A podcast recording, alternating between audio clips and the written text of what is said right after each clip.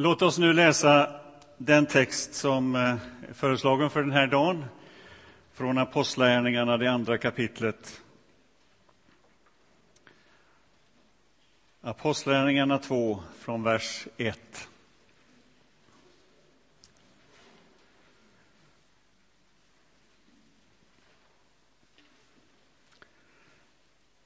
När pingstdagen kom var de alla församlade.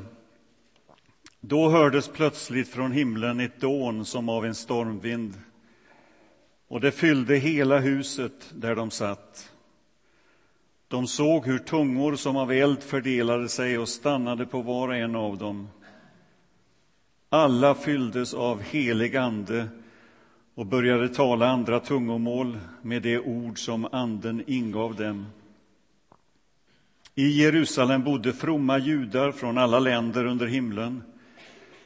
Och när dånet ljöd samlades hela skaran och förvirringen blev stor när var och en hörde just sitt språk talas. Utom sig av förvåning sa de, men är de inte galileer allesammans, dessa som talar? Hur kan då var och en av oss höra sitt eget modersmål talas? Vi är parter, meder, elamiter. Vi kommer från Mesopotamien, Judeen och Kappadokien, från Pontus och Asien, från Frygien och Pamfylien, från Egypten och trakten kring Kyrene i Libyen. Vi har kommit hit från Rom, både judar och proselyter. Vi är kretensare och araber Ändå hör vi dem tala på vårt eget språk om Guds stora gärning. Och i sin häpnad visste ingen vad han skulle tro. Och de frågade varandra, vad betyder detta? Men andra gjorde sig lustiga och sa, de har druckit sig fulla på halvjäst vin. Då steg Petrus fram med de elva andra och tog till orda och talade till dem Judar, ja, alla ni som bor i Jerusalem, detta ska ni veta. Lyssna till mina ord. Det är inte som ni tror att de här männen är berusade. Det är ju bara morgon. Nej, detta är vad som har sagts genom profeten Joel. Det ska ske de sista dagarna, säger Gud, att jag utgjuter min ande över alla människor. Era söner och döttrar ska profetera. Era unga män ska se syner och era gamla män ha drömmar. Ja, över mina tjänare och tjänarinnor ska jag i de dagarna utgjuta min ande och de ska profetera. Jag ska låta sällsamma ting visa sig upp på himlen och tecken nere på jorden, blod och eld och moln av rök. Solen ska vändas i mörker och månen i blod innan Herrens dag kommer, den stora och strålande. Men var och en som åkallar Herrens namn ska bli räddad. Man kan tala om timing från Guds sida när det gäller den här dagen som vi talar om, pingstdagen.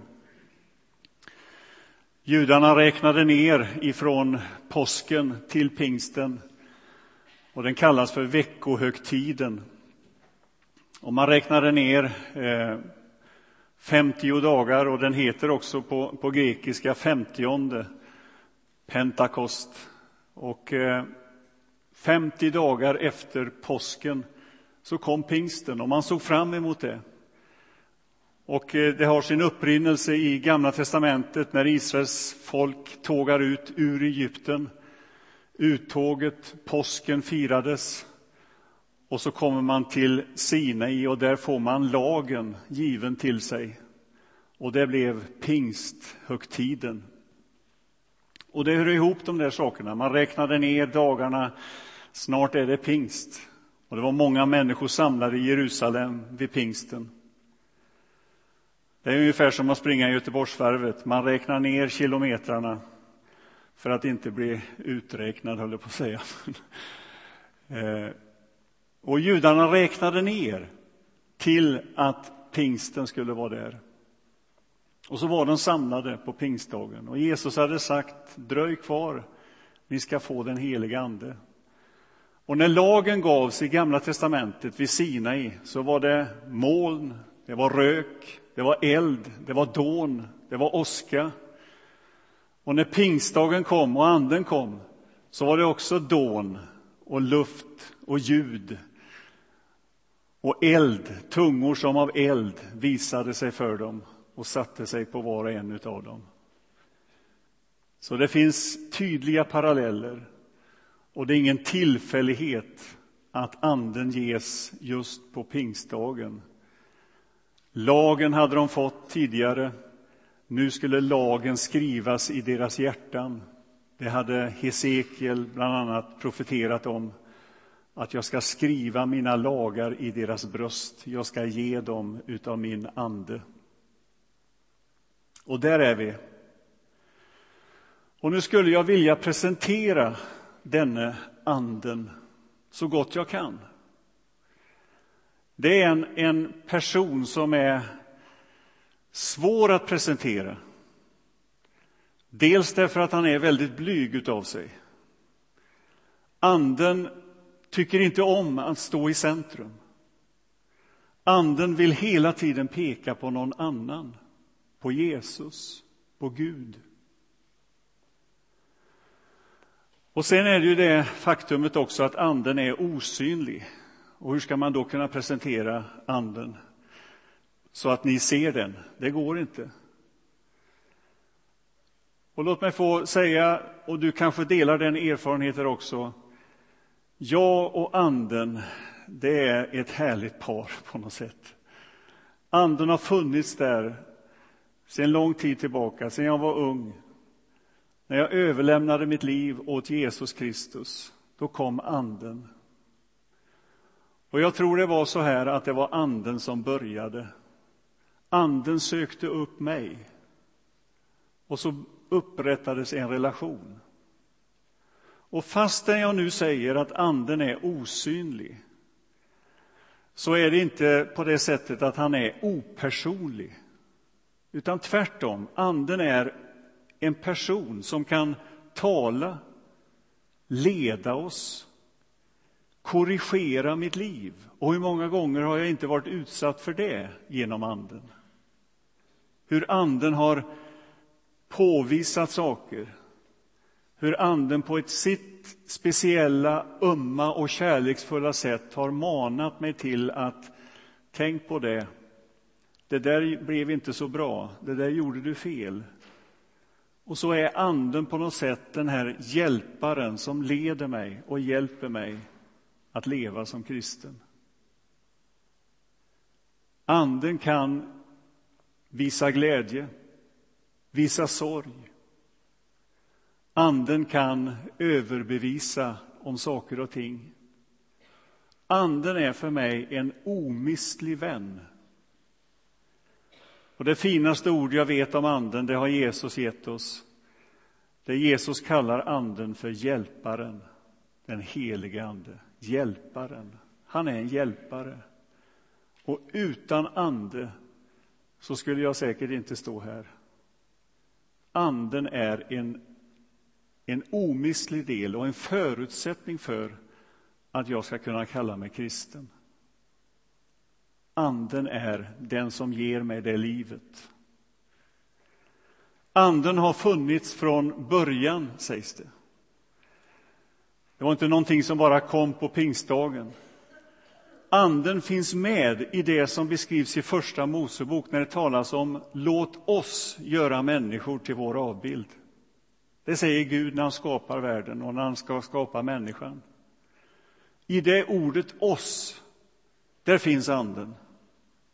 Där finns Jesus och där finns Gud. Och då är vi inne på det mest kanske gåtfulla och mest utmanande för oss att omfatta, nämligen treenigheten. Där Gud beskrivs som en och ändå tre. Och alla med olika funktioner. Gud som skaparen, Sonen som är ordet som allting skapas igenom och Anden som är förutsättningen för existensen, livet, luften som vi andas. I det finns Anden. Och så beskrivs denna treenighet som en treenighet som inte är statisk på något sätt, utan som är hela tiden utgivande. Fadern bekräftar Sonen. Sonen bekräftar Anden. Och Anden pekar på Fadern och på Sonen. Och så pågår denna rörelse inom treenigheten, inom gudomen. Och det mest fantastiska är att du och jag inbjuds till denna rörelse. Och någon har beskrivit det som en dans. En dans som innebär att det pågår ett ständigt kretslopp, ett utgivande. Och när vi träder in i den gemenskapen, i den rörelsen, då händer någonting med våra liv. Då utmanas vår själviskhet, vår egoism. Därför att vi dras in i någonting som är som en centrifugalkraft som hela tiden riktar sig utåt. Och det var ju det som var löftet på pingstdagen, eller inför pingstdagen, när Jesus säger Stanna kvar här i Jerusalem, för ni ska snart få den helige Ande till er. Och den helige Ande ska ge er kraft att vittna om mig i Jerusalem, i Judeen, i Samarien och ända till jordens yttersta gräns. Och där ser du rörelsen som hela tiden riktar sig utåt. Den börjar i det lilla, nära sammanhanget, men den stannar inte där, utan den går vidare till Judeen, Samarien och till jordens yttersta gräns. Och till detta inbjöds du att vara med i den rörelsen, i den utgivande verksamhet. Till det kallar Gud oss som sina medarbetare. Och i den rörelsen finns ingenting av vad vinner jag på detta? Eller vad får jag för fördelar om jag drar mig in i det? Utan det är ett ständigt utgivande men det fantastiska är att när jag låter mig dras in i det och överlämnar mig åt den rörelsen, då vinner jag livet och finner livet, säger Jesus. Jag finner det som är tanken med mitt liv, det som är min bestämmelse. Och in i den rörelsen kallar han oss. Och så märkte ni när vi läste det här texten ifrån Apostlagärningarna 2 uppräkningen utav alla dessa platser och ställen som människor kom ifrån. Och det är ingen tillfällighet att det så beskrivs. Vi är parter, meder, elamiter. Vi kommer från Mesopotamien, Judeen och Kappadokien, från Pontus och Asien, från Frygen och Pamfylien, från Egypten. Vad härligt! Och trakten kring Kyrene i Libyen. Vi har kommit hit från Rom, både judar och proselyter, vi är kretensar och araber. Ändå hör vi dem tala på vårt eget språk om Guds stora gärningar. Vad handlar det här om? Jo, det handlar om att Anden sätter oss i rörelse. Och här sker det stora helandet på pingstdagen. Babels torn med språkförbistringen hade delat upp människor i olika länder, språk, isolering, ensamhet. Och här sker någonting. Så att få del av Anden, det är att få sättas in i detta stora helande som nu pågår vad det gäller den här skapelsen, vad gäller mänskligheten. Att Guds rike har kommit och att Guds rike kommer. Och till det inbjuds du och jag att vara med.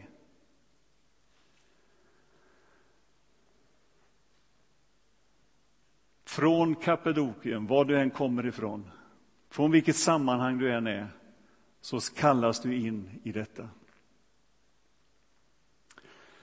Anden, min vän, har många namn. Kärt barn har många namn. Anden beskrivs som eld. Anden beskrivs som vatten. Anden beskrivs som olja. Anden beskrivs som en duva. Anden beskrivs som vind, luft, det som är hela förutsättningen för vår existens. Och anden beskrivs som hjälparen, det har jag redan sagt. Och alla de här namnen på den helige Ande vill säga oss någonting väsentligt. Nämligen det att du kan aldrig liksom fånga in anden och säga så här är anden, bara så. Utan anden leder oss in på ett upplevelsefält där vi inte ser någon gräns. Den för oss ut och spränger våra uppfattningar, våra begränsade bilder och säger att anden kan uppenbaras som vatten. Och vatten finns i pålande källor, men det finns också i de starkaste stormar och vågor. Vinden kan vara som en stilla susning, men också som en orkan, en cyklon och ta allt med sig i sin väg. Sådan är Anden. Och att komma och be om Gud, fyll mig med din ande, det är att liksom på något sätt nollställa sig i den meningen, jag har inga förutfattade meningar om hur det ska gå till. Och det fick ju lärjungarna uppleva den här dagen. De blev döpta i anden. Och när vi talar om dopet i den heliga Ande så handlar det om en erfarenhet. Inte en upplevelse i första hand, utan en erfarenhet. Och den erfarenheten kan se ut på väldigt många olika sätt, alltså själva händelsen. För en del så är det en sån här ögonblicklig upplevelse där Guds ande tar människan på något sätt med storm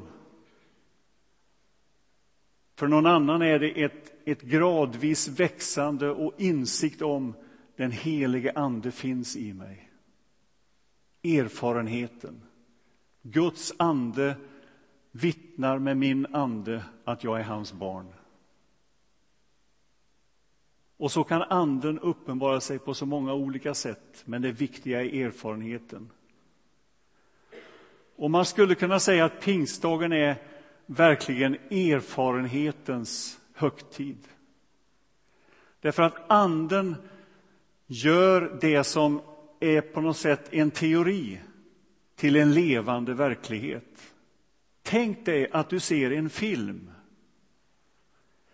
En film med intriger, med upplevelser, en spännande drama, en spännande linje att följa. Du ser vad som händer. Du följer nogsamt med och är spänd inför upplösningen på den där filmen. Men tänk dig att du blir en del utav filmen. Du är med där, i filmen. Och bilder haltar, men så skulle jag vilja beskriva hur den heliga Ande sätter oss in i berättelsen. Den heliga Ande sätter oss in i själva skeendet. Det som liksom är på avstånd, det som bara är som en film, blir helt plötsligt verklighet.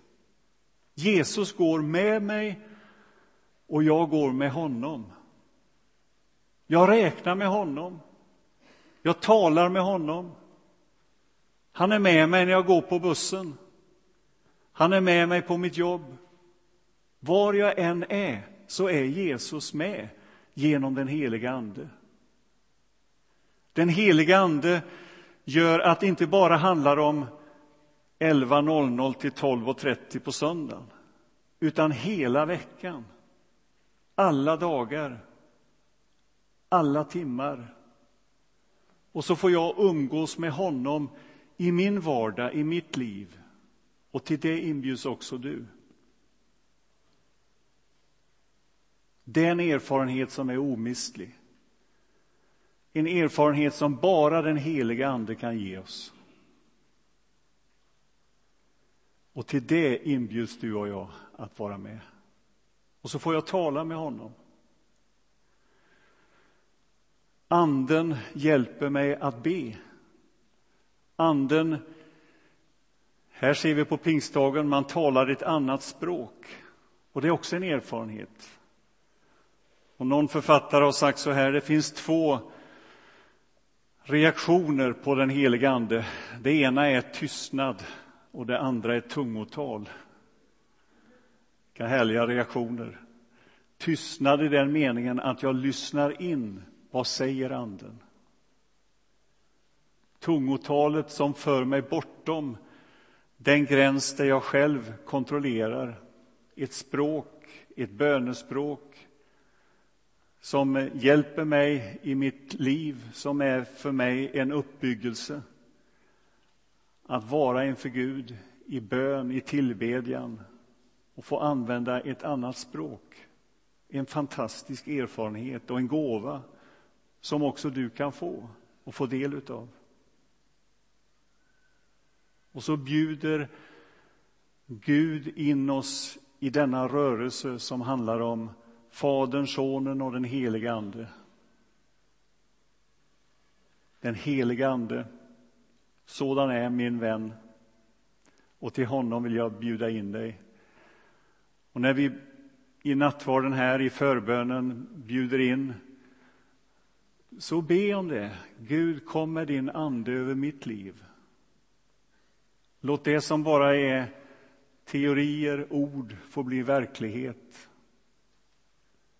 Låt det inte bara få stanna vid ett accepterande utan också vid ett, någonting som blir en verklighet, en realitet i mitt liv.